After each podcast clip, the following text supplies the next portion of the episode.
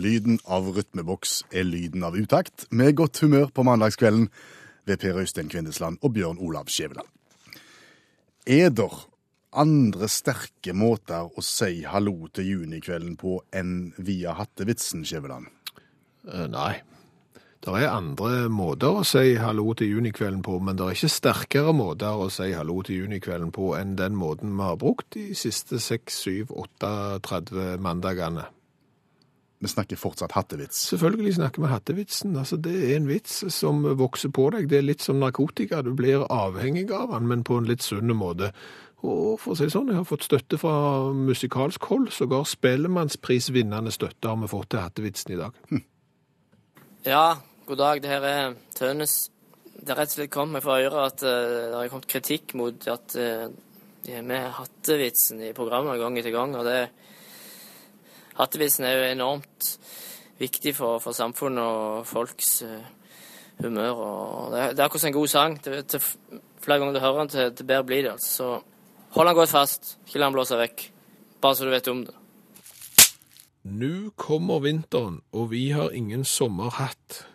Men hva skal vi med sommerhatt når vinteren kommer?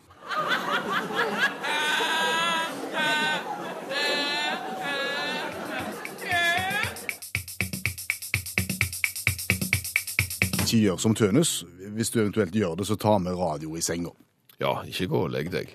Nei. For all del, det er jo nå vi er i gang. Det er jo alle tiders. Dette er jo kanonkjekt. Det er det kjekkeste radioprogrammet du får på P1 på en mandagskveld mellom 10 og 12. Etter det vi har grunn til å tro. Ja.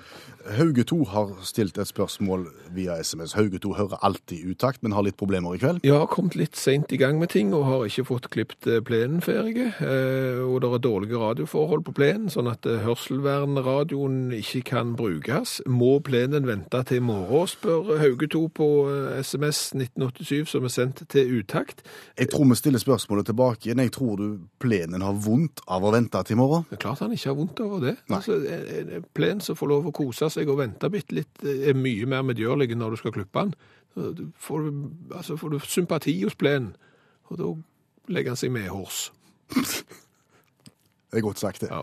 Eh, Vil du ta kontakt, sånn som Hauge 2 har gjort, så kan du altså enten bruke SMS til 1987, start meldingen med utakt, eller så følger du programmet på Facebook mens det pågår.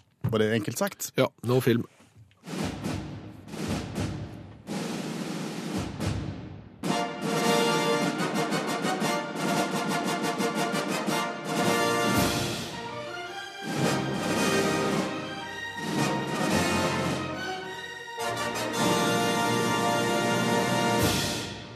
Hvor ofte har du ikke hørt Per Øystein at This film is based on a true story. These are true events. Ganske ofte. Ja, det er ganske ofte. Altså, virkeligheten overgår ofte fantasien, og ofte så blir historier fra det virkelige livet veldig bra filmer. Ja, det blir gode. Ja, Based on a true story. ja men det er jo så forutsigbart. Du tenker heller Jeg tenker å snu den. til This life is based on a film. Du vil leve livet ditt som i en film. Ja, hvorfor ikke? Hvorfor er det alltid, liksom, skal det alt gå fra, fra det ene til det andre? Altså, det er alltid den ene veien, fra det virkelige livet til film. Hvorfor ikke ta en film og si at den har jeg lyst til å leve ut? Har du tenkt litt på hvilken film det skulle vært? Jeg har tenkt mye på det, og jeg har ikke kommet fram til noe. Er Altså, det, jeg har er det noen skuespillere du ønsker skulle vært Julia Roberts. For så vidt så kunne jeg vært med i alle filmene som Julia Roberts hadde vært med, kunne jeg vært med på i det virkelige livet. Ok. Så vidt jeg kommer på, i det- hvert fall. Andre parameter enn Roberts parametere? Altså, det er jo en del filmer som blir vriene å, å leve ut. Altså, Star Wars-trilogien, for eksempel, er jo, sant? Du, du ser at den byr på pro problemer. Ja. Eh, sånne Altså, du får science fiction-problematikk. Ja, og og det går jo ikke. Og det er klart at film med, med mord og gørr og skyting og sånn er ikke bra. Nei, da må du velge deg et eh, hverdagsdrama, eventuelt en eh, skøyen, varm og lun komedie. Ja, det, det tror jeg nok det er det enkleste. Jeg har tenkt litt på actionkomedie, for det er jo ofte med litt sånn gladvold, men så ser jeg problemer med det òg, og det er klart at det litt sånn dødelig våpenaktig, sant? Ja, Eh, Så skal vi tulle, meg og han andre, og så, og så skal vi kjøre etter noen skurker i full full fart med bilen, og så bunker vi hele veien. Og klart at det er jo ikke et forsikringsselskap som ville tatt i meg etterpå, hvis jeg hele veien ringte, vet du hva, nå har meg og han kollegaen min vært ute, og vi har bunka en 20-30 biler Ja, du skjønner det, Jeg lever nemlig filmen 'Dødelig våpen'. Ja. Da er det ingen som, som ville tatt Selv i meg. ikke Trygg Forsikring ville tatt i den. Nei, ingen. Så, så som du sier, ja, jeg har nok eh, funnet ut at det enkleste og faktisk det triveligste vil være en romantisk komedie. Ja, Og der kommer da Julia Roberts inn i Ja, bildet. for eksempel så kommer Julia Roberts inn i bildet. Jeg har ikke lansert ideen min for Julia Roberts.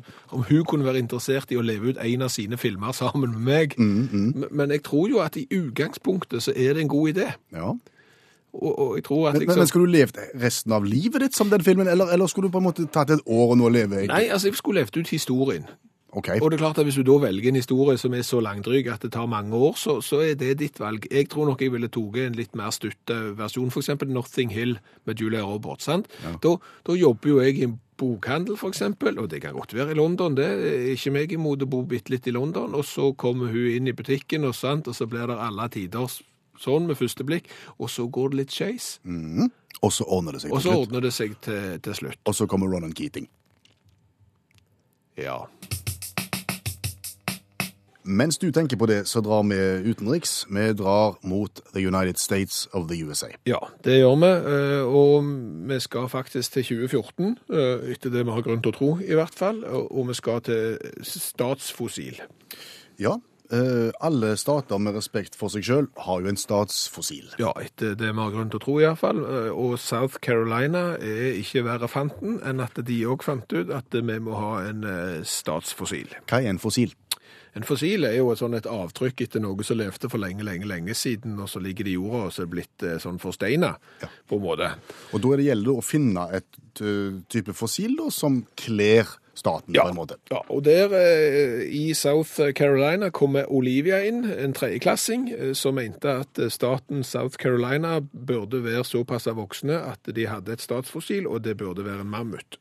Intet mindre enn en mammut. Nei, for det er funnet rester av mammuter i South Carolina, og det er funnet fossiler av det òg. Og da tenkte hun, eh, tredjeklassingen, at det er jo en alle tiders god idé, så hun sendte da et forslag til de voksne som bestemmer. Eh, hallo, eh, hva med å ha mammut som statsfossil? Hva sa de voksne? Ja, sa de. Ja, det det syns de var en god idé. Ja, det var for så vidt løst, bortsett fra at det ble litt grann komplisert.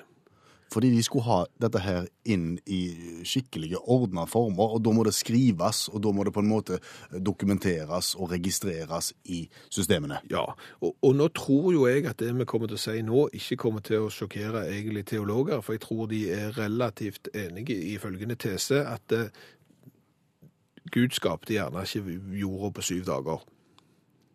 Nei, skal du blande dette inn i det nå? Ja, for dette er viktig, ser du. For det handler litt om hvem som er premissleverandører, hvem som får lov til å bestemme hva som skal stå i hvilken tekst, hvis du skjønner. Har dette noe med mammuten og registreringen av den i lovverket i South Carolina å gjøre? Ja, det har nemlig det. Fordi at, og nå snakker vi faktisk om 2014, folkens. Ja, du sa det. Eh, Ja, eh, så har Olivia foreslått at vi trenger en mammut som eh, fossil, statsfossil. Ja, sier de voksne, da skal vi skrive det ned i teksten. Da kommer det en senator som heter Kevin Bryant inn, og, og han mener at jorda ble skapt på syv dager. Og det vil han ha inn som en del av mammut? Ja, sånn at når det da står i teksten at staten Colombia velger mammuten som sin statsfossil, så står det da staten Colombia velger mammuten som ble skapt på den sjette dagen sammen med de andre ville dyrene på marked som statsfossil. Han legger inn ei lita linje fra Moseboken. Han legger inn en til. Og skal offisielt omtales som den colombianske mammuten som ble skapt på den sjette dagen med de andre ville dyrene på marken. Er dette problematisk? Det er jo litt problematisk, for sannsynligvis så er det jo ikke sant. Sant? Men, der er, men det var liksom kanskje for å være greie med han Cavent, og så for å slippe da en svær krangel. men, men så så jo folk at det, det passet jo ikke. Sant? Du kan jo ikke henge opp plaketter rundt omkring med, med, med ting som er lyggen og bedrag. Så dermed så sa, kunne du ikke si her er den colombianske mammuten, den som ble skapt på den sjette dagen sammen med de andre ville dyrene på marken. Det blir litt langt òg. Det blir litt langt òg. Så dermed nå i mai 2014 eh, så ble de voksne enige om at vet du hva, nå forandrer vi den lovteksten, og så sier vi den colombianske mammuten er statens offisielle fossil. Det enkle er ofte osv.? Det enkle er ofte det beste, og den enkle er ofte den beste òg. Snart er det jo slutt på førsteklasseåret til Vebjørn, og vi har fulgt han hele veien. Ja, hver eneste uke så har vi tatt en liten stikkprøve og hørt eh, hva de har lært, bare for å sjekke hvordan står det til med den norske skolen. Og svaret er det står bra til. Veldig bra, det må vi si. Og jeg spurte han i dag òg hva de hadde lært den siste uka. Vi lærte om farger, og da hovedsakelig og primærfarger. Rød, grønn og blå. Så du er tilhenger av additiv fargeteori, pappa? Da må jeg si at jeg datt av. Poenget, pappa, er at en primærfarger er et sett av farger som kan legges til grunn for en systematisk ordning av fargene. Og Og skal vi navngi primærfarger, må vi først bestemme hvilken fargeteori vi snakker om. I additiv fargeteori er primærfargene, sånn som du sa, rød, grønn og blå. Går du til subtraktiv fargeblanding, så tar du utgangspunktet i primærfargene cyan, magenta og gult. Ja, For å være helt ærlig, Vebjørn, jeg har falt av lasset for lenge siden. Men hva er poenget med å snakke om primærfarger? Kunstnere fant ut at disse primærfargene, sammen med hvitt og svart, var tilstrekkelige til at alle andre farger kunne lages med å blande disse fargene. Hvis vi hopper over additiv fargeblanding, så brukes bl.a. på projektorer og dataskjermer, og i stedet går til subtraktiv fargeblanding, så ser du at med å blande f.eks. printerblekk med fargene magenta og gul, så får du rød. Blander du sial og gul, så får du grønn. Ja, og blander du alt i sammen, så får du ei brun, grå drevje. Stemmer det, pappa.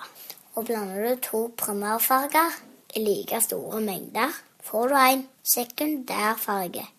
Og blander du en sekundærfarge med en primærfarge, får du en tertiærfarge. Ja, og blander du en tertiærfarge med alt det du har sagt, så får du omtrent en kvartalsrapport. Ikke tulle vekk bare fordi du ikke forstår det. Ja, sorry. Greit. Skjønner du ikke fargeblanding, så skjønner du heller ikke at det er nyanseforskjeller på all den malingen du har kjøpt opp igjennom åra. Hvitt er ikke hvitt. Du har eggehvitt, antikkhvitt, lysantikk, bomull, hvitkomfort, klaro, tudor, sommersne. Ser du det, pappa? Verden er ikke svart-hvit. Nei, helt tydeligvis. Det har vært ei grei uke. Ja, mm, til og med så har jeg en venn på besøk. Du får gå og si ha det til han, da.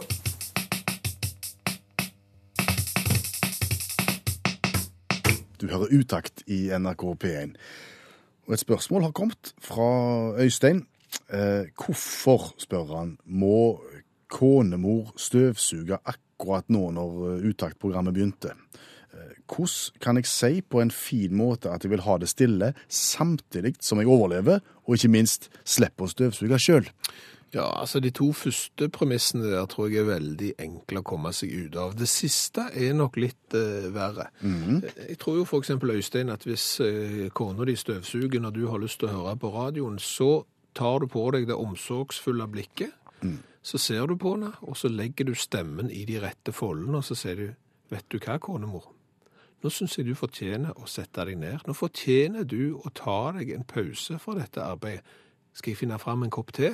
Og, så, og, så, og så, bare ikke tenk mer på, på støvsuging. Bare Nå syns vi du har gjort nok. Nyt øyeblikket. Og da kan det være at konemor blir såpass overvelda og, og glad over omtanken at hun glemmer hele støvsugingen og setter heller pris på den kosen du tilbyr ved å sette deg ned sammen med henne, kanskje ta en kopp te, et glass rødvin, hva som helst. Ja, det er jo det vi håper på. For, for ellers så må du begynne å tåkelegge. Fordi at eh, det, da må du begynne å trø vann. Hvis konemor spør ja, men hvem skal støvsuge da?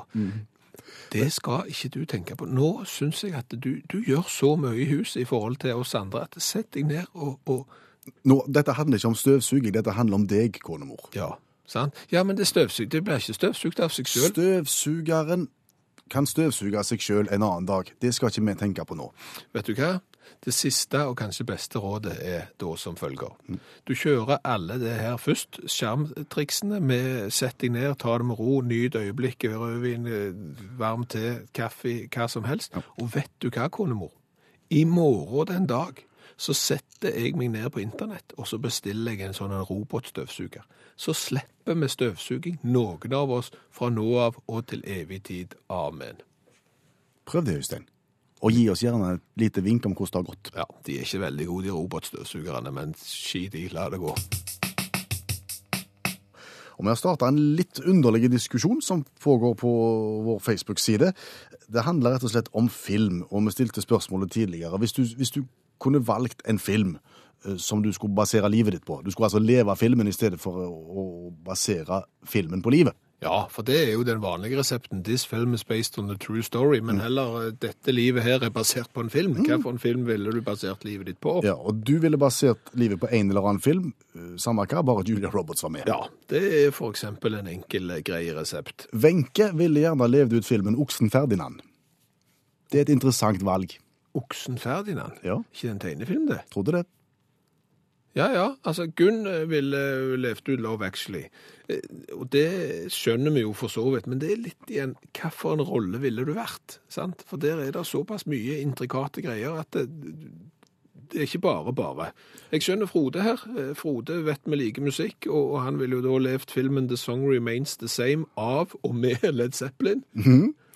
Carl Christian, som har Han, han, han spriker, det må vi vel si. Ja. Eh, ville gjerne levd ut Star Trek Nemesis så, som et alternativ. Har lyst til det hvis han skulle basere livet sitt på noe.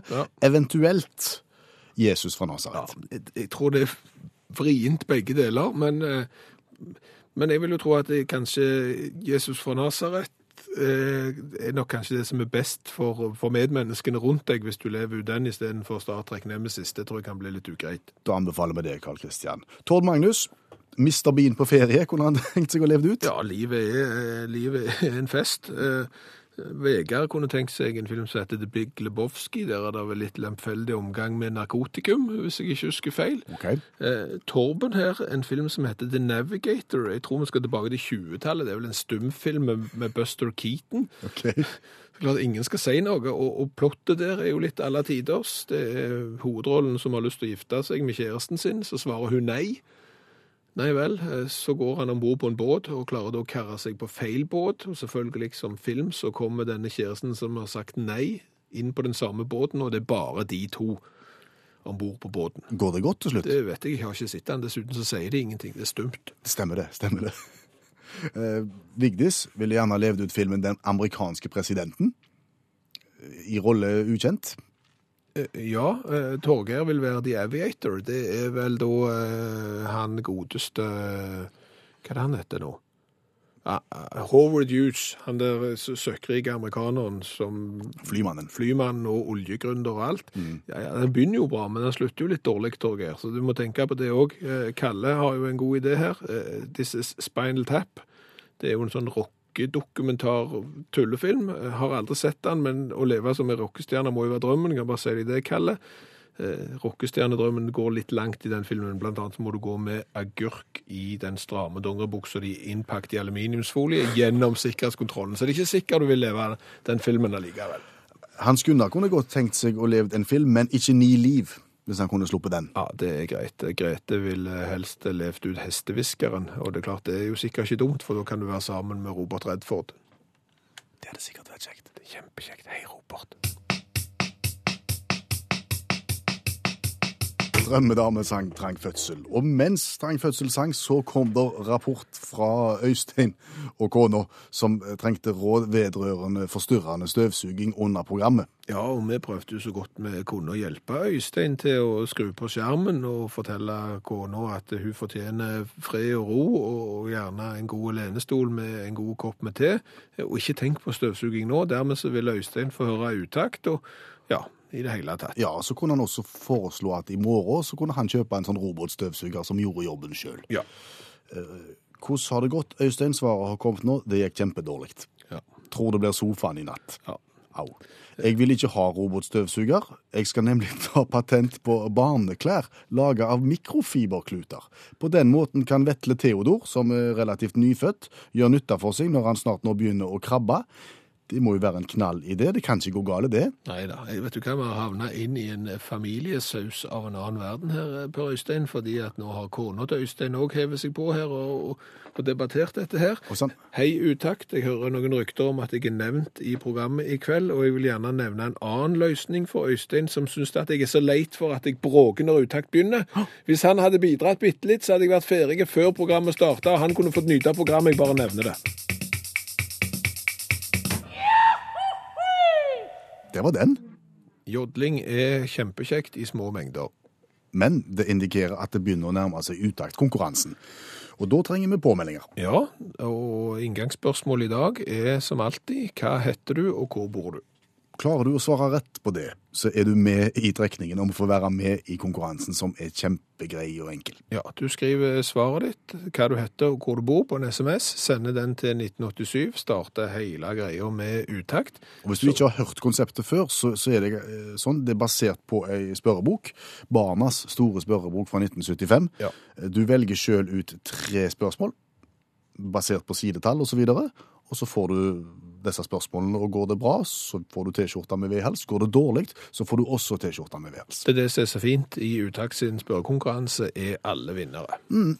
SMS til 1987, start med utakt, navnet ditt og hvor du melder fra. Så skal vi trekke ut deltaker, og så begynner vi når klokka er noen minutter over 11.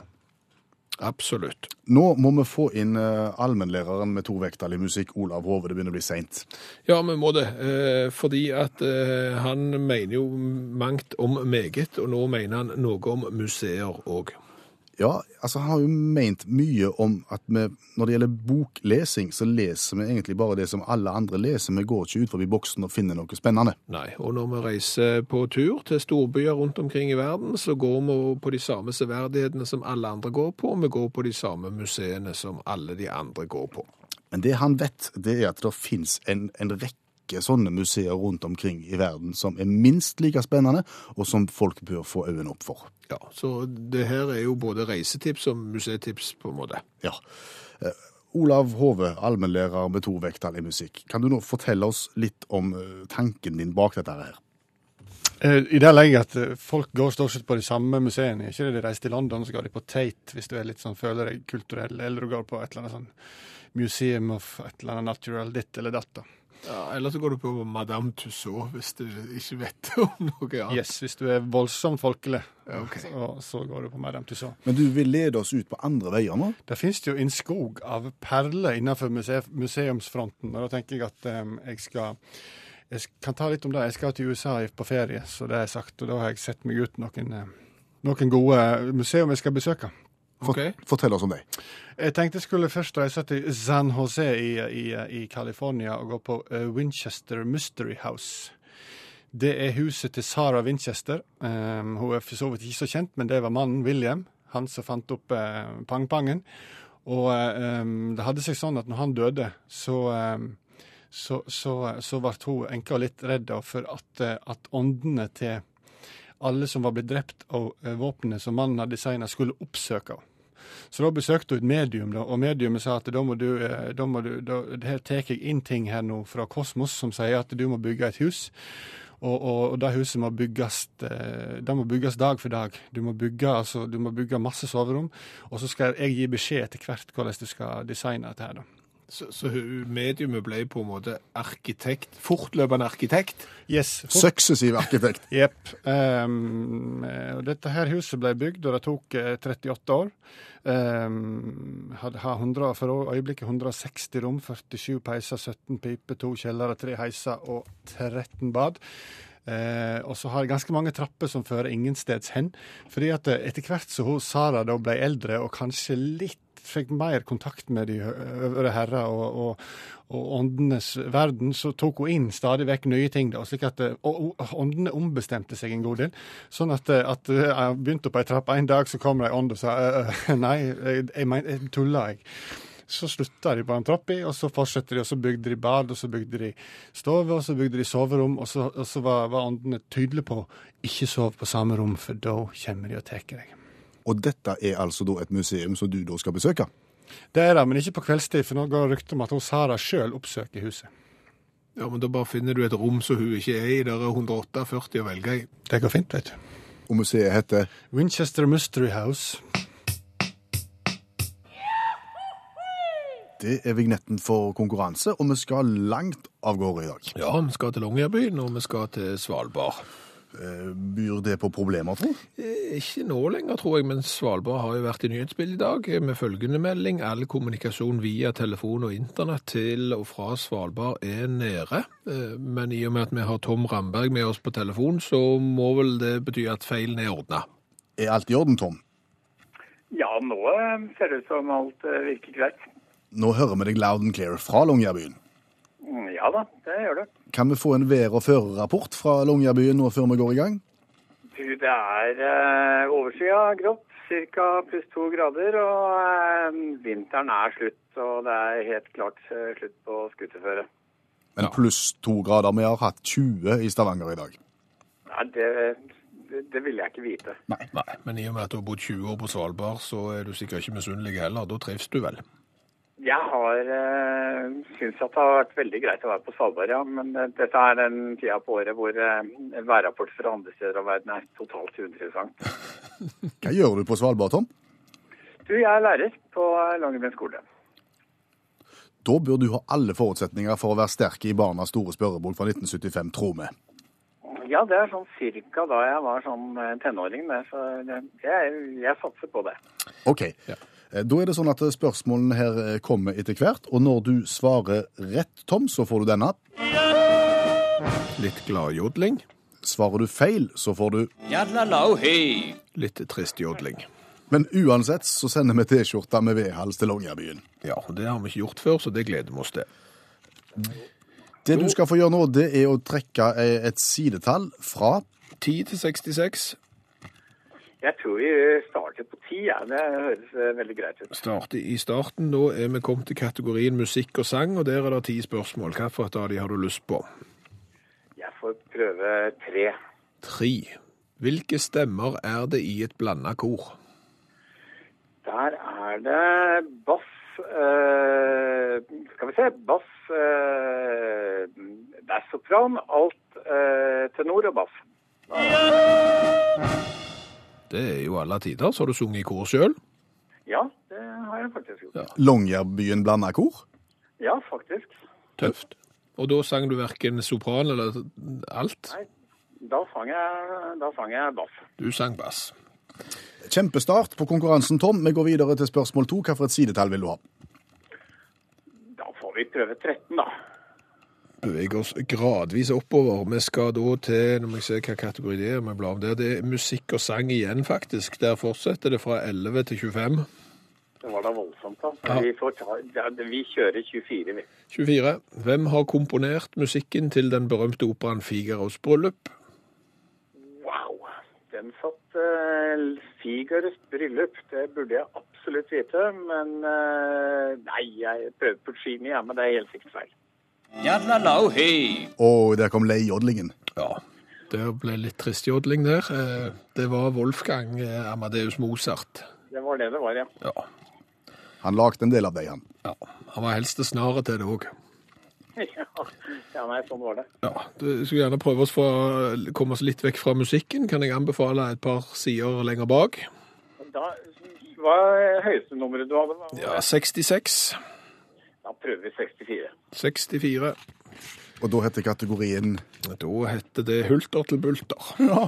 Og der har vi ja, opp til 23 spørsmål der i Hulter til bulter.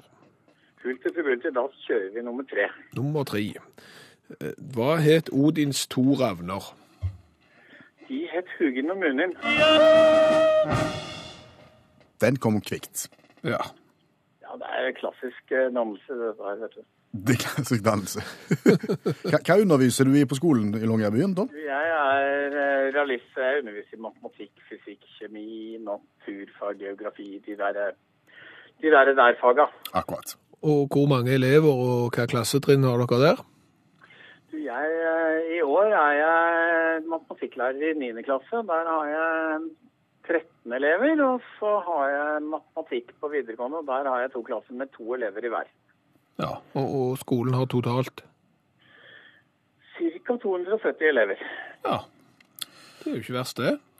Nei, det er ikke så gærent, da. Men det er jo da regna fra seksåringer og opp til eh, 19-åringer. Så det er, vi er vel den eneste 1-13-skolen i hele Norge. Kan ha rosarus og rødruss samtidig. Nei, Rosarussen er vel, eh, det er vel enda litt lavere. Ja, det er vel barnehage også, det. eh, Rørus har vi, vet du. Ja, men det er bra. Eh, eh, Tom, hils klassen din i morgen og si at realisten klarte eh, to tredjedeler av spørsmålene i uttaktskonkurranse. Det var ikke så gærent, det, da. Ikke på noen måte. Og ha en god kveld videre. Takk skal du ha. Jeg var i hovedstaden forrige helg. Eh, Og da gjør du jo gjerne som du gjør når du reiser langt i Norge, du tar fly. Ja. Og så lander vi på Gardermoen, og ingen klapper. Nei, Det er sjelden folk klapper på Gardermoen når de lander med fly fra Stavanger eller Bergen eller Trondheim. Ja, øh, og jeg har vært i varmere strøk òg, og da klappet heller ingen. Når ble det politisk ukorrekt å klappe når du lander med fly? Ja, det var der ketchup-songen min kom inn i bildet. For når du sa at du ville snakke om dette her, så assosierer jeg Syden og charter, og vi klappte vitterlig når vi landa. Når da? Mm, 90-tall, iallfall. Ja, ja, altså, det er jo derfor jeg spør når forsvant klappingen. For jeg tror det er i ferd med å forsvinne. Så det var nå jeg havna inn i en eller annen sånn nettdebatt på internett. Og, og folk er sånn Er det flere som irriterer seg over klapping når flyet lander og sånn? Ja, like irriterende som når folk klapper på kino. Statistisk sett hei, altså upassende.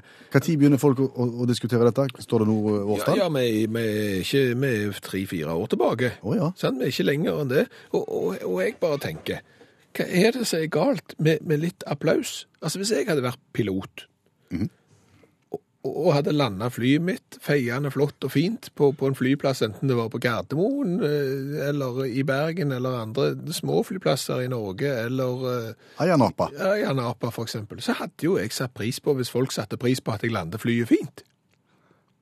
Ja, du hadde det? Ja, jeg hadde det. Du hadde ikke tenkt at dette her skal jeg kun- kunne, dette her blir bare tosje? Ja, det er klart det er flaut hvis du ikke lander fint. Altså hvis du glemmer å ta ut hjulet og lander på buken og det blir bare spetakkel, da klapper du jo ikke, men, men altså Tenk deg sjøl i din egen jobb, der du sitter nå. Ja. Sant? Altså Nå er det jo litt vrient, for folk sitter jo på andre sida av radiokabinettet, og vi hører det jo ikke. Men du hadde jo satt pris på hvis de klapte. Ja.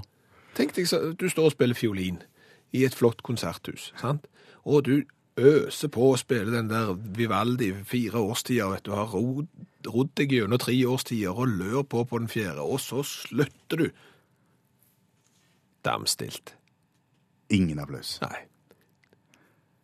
Det hadde vært upassende det, hvis ingen klappte når du var ferdig med å spille fiolin. Men hvis du klapper fordi at du er fornøyd med at piloten har fått det der svære, store fly i aluminium, stappfullt av brennbar bensin og all slags, trygt ned på bakken, nei, da skal du plutselig ikke klappe lenger, for det er politisk ukorrekt. Det var noe vi gjorde når vi fløy på charterturer og røykte om bord på flyet. Inne. Nei, jeg vil ha... du vil ha det tilbake? Jeg vil ha det tilbake igjen på alt. For, for sågar altså, når bussen kommer på rett holdeplass.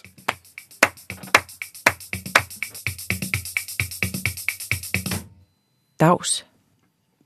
Dags. Når han traff han. Ja, Daus. Hvis han ikke hadde vært dame, for det er dame som sier daus. Daus. Det er for så vidt sant. Men daus er den eh, joviale, koselige måten å si hallais på i Danmark. Ja, det er det, og det er òg eh, tittelen på spalten vår der vi ser på de danske ordene, som jo pleier å være fiffige, flotte og fine, og som vi gjerne trenger å lære litt av. Ja, for danskene pleier å være gode på det. Å sette sammen nye ord. Danskene har en god historikk på å kjapt ta i bruk nye ord, og kjapt få de inn i den danske ordboka, sånn at de blir offisielle. Men i dag så skal vi litt lenger tilbake, og jeg har et litt ambivalent forhold til hele ordet i dag, men, men jeg tenkte jeg skulle ta det opp rett og slett fordi at vi, vi må se at det ikke alt danskene gjør som er like bra. Er det, er det vovet? Nei, det er ikke vovet i det hele tatt, men du kan høre på det. Ja, OK. Gus. Ja, men Nå har vi glemt å fortelle om konseptet her. Konseptet er jo at eh, du har funnet dette ordet her, Ja. og min oppgave blir å, å tolke det og finne ut hva det betyr på vegne av alle som hører utakt. Riktig det. Og det var goose. Ja, prøv igjen. Gus. Goose. Ja. Ja, den er ikke enkel. Nei, han er ikke det. Og han er ikke så fiffig. heller. Nei, han er ikke det heller. Er det da en grunn til at vi har tatt den med? Ja, historikken bak ordet er en grunn til at vi har tatt det med. Goose. Ja, Kan du gi meg en bitte liten pekepinn på ja hva ja, retning Meteorologisk. Å, Ja. er, det, er det et værfenomen? Ja. Eh, Har det med lyn og torden å gjøre? Nei. Har det med regn å gjøre? Nei. Har det med vind å gjøre? Nei. Men fortsatt så er det meteorologisk. Ja, ja. Det er Snø. Nei. Hva har jeg glemt nå? Tåke. Goose har noe med tåke å Ja, gjøre. det er tett, kold tåke især fra havet. OK. Det er gus. Gos. Goose. Det er den som kommer inn gjerne en, en, en sommerdag Ja. ut og ødelegger Ja, idyllen. solen sto lavt, og hun kunne ikke stille meget opp mot den fuktige gos. Nettopp. Helt umulig å forstå, og ikke spesielt fiffig. Nei, men så kommer det som jo vi må ta opp her, for det, det, det, det er her jeg har datt av. Altså, nå, vi er inne og henter ord på offisielt dansk ordbok. Ja. Og ordet gos, GUS. G-U-S, sier danskene at er opprinnelig norsk dialekt. For tett tåke. Ja, Er det noen plasser i Norge en sier gus? ing, Ikke, ikke deg bekjent? Nei, og når jeg søkte ordet gus i Norge, som jo ifølge danskene skal være et norsk ord, så har ikke vi det i våre norske ordbøker. Med det nærmeste du kommer er gust, altså sånn vindpust, altså vindgust eksempel, eller en brå sykdom, særlig med utslett, en såkalt alvgust. Vi har ikke gus. Og danskene påstår hardnakka at dis gus Ja. kommer av gus norsk dialekt. Kan det være at en sjelden gang så har de ikke vært helt heldige, og de er ikke helt fornøyde med det, så dermed så gir de skylda til oss? Det kan godt hende. Eller så har de bare sendt én liten speider for å stå på ski i Norge, og, og, og han drakk seg til mot og, og kom tilbake igjen, og det eneste han husket var «Oh, Goose, kanskje. Og det betydde tåke. Ja. For det var det han var i stort sett hele turen. Det er jo en plausibel forklaring. Ordet var altså gus, Hvis du vet noe om dette her, om det har sitt, sitt, sitt utspring i Norge, eller du kjenner til det, så ta kontakt med oss. Ja, om det er norsk dialekt gus eh, som i det hele tatt har noe med tett, kold tåke især fra havet å gjøre, så send en SMS til 1987, start med utakt, eller gå inn på Facebook-sida til utakt. Daus. Daus. Utakt, NRK P1, og vi skal snakke om trender. eh, moderne ting. Det som er trendy i dag, er Abdisering. Ja, etter det vi har grunn til å tro. Ja, nå er vi ikke veldig sterke på abdisering sånn rent historisk, men, men etter det vi har grunn til å tro, så, så er det en klar tendens til at eh, jetsetterne i eh, Europa og rundt omkring i verden syns at abdisering nå er populært.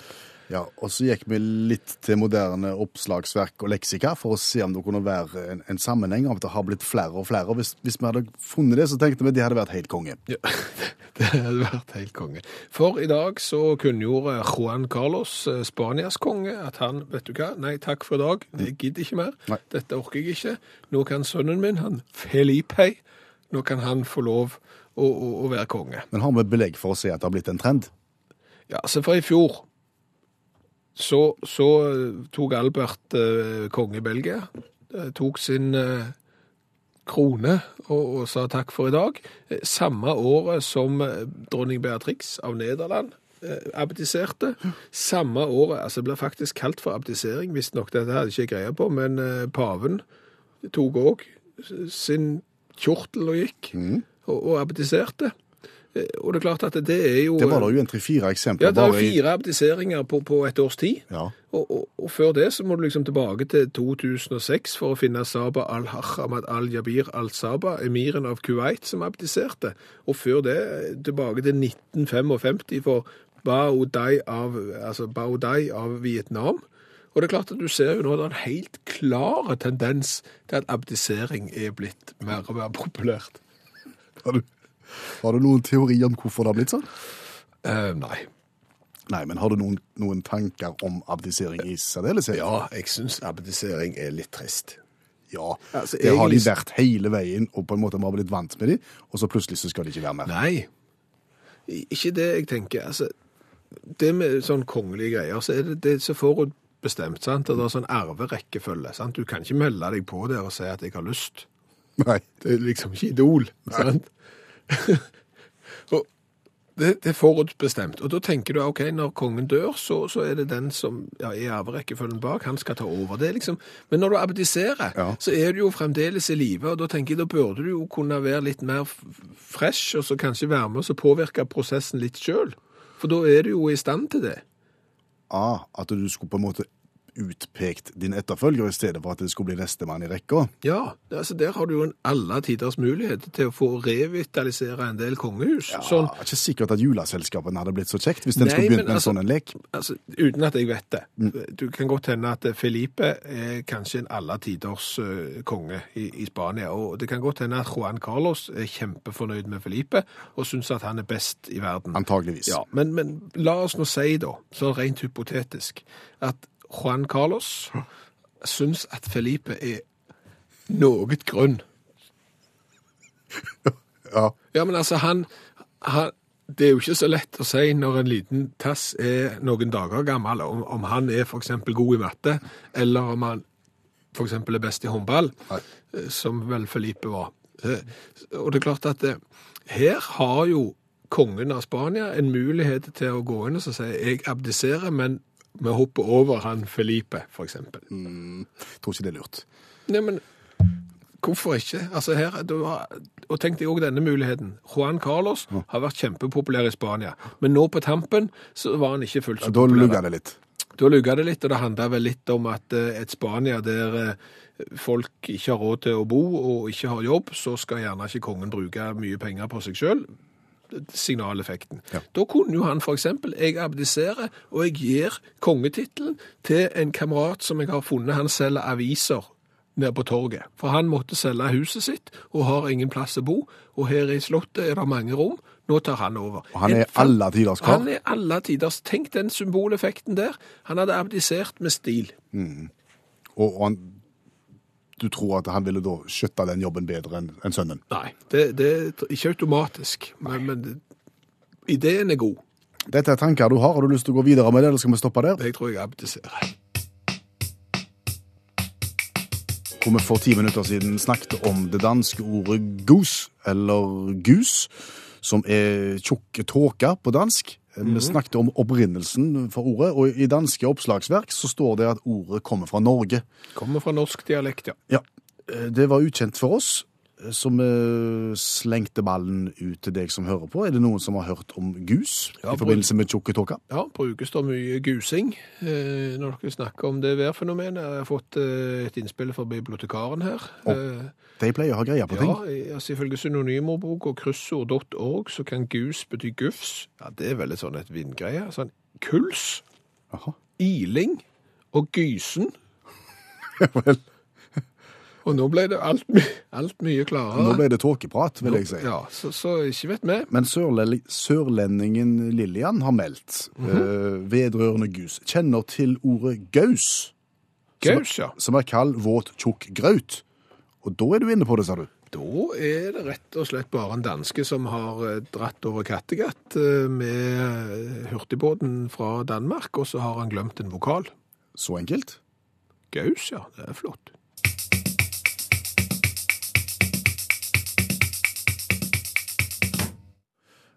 Et annet tema vi tok for oss, var jo eh, klapping ved landing når en var ute og, når en ute og flyr. Det ble slutt på det før. Klapp den, særlig når en landa i Syden. Ja, og vi syns jo det er en gest eh, til folk som har utført vel eh, utført arbeid, at vi, vi klapper for dem. Og hvorfor ikke klappe for en pilot som har fått deg ned trygt på bakken, og vi har stilt spørsmålet eh, skal vi innføre obligatorisk klapping ved landing eh, som en honnør til piloten. Ja, sier Gro, eksempel. Vi pleide alltid å klappe etter å ha fløyet rundt halve verden til New Zealand. Men nå er det slutt på det. Jeg savner det, jeg òg, sier altså Gro. Ja, tullinger, sier Frode. De som klapper. Ja, eller vi som har foreslått det, kanskje. Hva vet jeg. Eh, Frode, en annen Frode ser problemer her med, altså, for da må du gjerne begynne å klappe for bussjåfører når de stopper på stoppesteder. Ferjekapteiner hver gang de legger til kai. Det kan bli vel mye klapping, kanskje. Og, og Øystein har vært bussjåfør sjøl, og, og fikk bare kjeft. Og ingen klapping. Så, så det er jo eh, Det er jo greit. Eh, Jeg syns jo at Bo er inne på en god idé her. Hva sier Bo? Altså, Han syns det er hyggelig med klapping. Ja. Altså, Det er en gest det, det, til den som har vel utført arbeid, og syns at passasjerer bør få utlevert kastanjetter. Ja! Et lite rytmeorkester. Og nå lander vi på Hayanapathy, og så rasler det i kastanjetter. Ja, det, du ser det er en utviklingspotensial her. Gode tanker. Hva er HMS-ens verste fiende, Skjæveland? Det er improvisering. Ja, og det var vel egentlig det jeg bedrev for en halvtimes tid siden her i studio, og har fått smake egen medisin. Ja, for nå er det blodutredelse i radiostudio, og det som mange tror er kanskje den tryggeste arbeidsplassen i hele Norge, det er å sitte inne i et polstra rom på en stol bak en miksepult uten skarpe gjenstander i det hele tatt. Det er ikke så trygt som det kan virke. Nei, for hvis du skal styre lyd og spaker og mus og datamaskiner, og samtidig ta på deg et helt nytt sett med hodetelefoner, så kan fingrene komme i klem. Ganske vondt, faktisk. Og, og det blir blod. Og det er det som skjer nå, så det er litt kaotisk akkurat her. Ja, for uh, Per Øystein han har da klart å klemme seg på hodetelefonene, sånn at han Han blør. og Han Han blør kraftig. Ja. Men sånn er det. Og det er jo ikke bare flaut. Nei. Men det fikk oss til å tenke på hodetelefonen. Ja, når oppsto det navnet? Ja, for vi snakker altså om uh, de høyttalerne som er forbundet med en bøyle over hodet, som du trer ned på ørene for å høre. Det kalles da for en hodetelefon. Ja, det står til og med på internett, det er på eget leksika der. Altså, det er utstyr med små høyttalerelementer som enten plasseres rett utpå det ytre øret, eller et lite stykke inn i øregangen, en hodetelefon. Går det an å snakke igjen? Ikke meg bekjent. Nei. Jeg trodde det var noe av forutsetningen for å ha en telefon, at du både hørte og snakket. Dette er en telefon for enveiskommunikasjon. Ja, men hvordan har det oppstått? Nei. Altså, fordi at det, det er jo... Det, altså, du har høyttalere på øret, Ja. og så kaller du det for telefon. Ka- Ja, Du burde jo kalt det for uh, hodehøyttalere, eller uh, ho... Altså, her er det jo alle muligheter til å finne på et eller annet som det- beskriver mer det det er. ja, men kan det ha oppstått i plateforretninger på 70- og 80-tallet? Hvorfor det? Fordi at når du skulle eventuelt kjøpe ei plate, Ja. så ville du gjerne høre litt på den før du kjøpte den. Ja. Og da spurte du mannen i disken om det var greit, Ja. og da satte mannen i disken den på. Og opp av disken så kom det to telefonrør. Og da snakker telefonrør, sånne grå som tilhørte gamle telefoner med plustrelyd før. Ja. Ett på hvert øre. Ja. Da holdt du en telefon inntil det ene øret og en annen telefon inntil det andre øret, såkalte hodetelefoner, og hørte på musikken med veldig dårlig lydgjengivelse. Ja, jeg, tror at det går lenger tilbake, jeg, altså, for det har vært eh, headset før det. Har jo det. Det har jo det. Det var i gamle dager når du omtrent tok og teipte på deg to høyttalere i palisander rundt hele hodet. Det så tåpelig ut, det. Men sånn er det. Hør flere podkaster på nrk.no podkast. NRK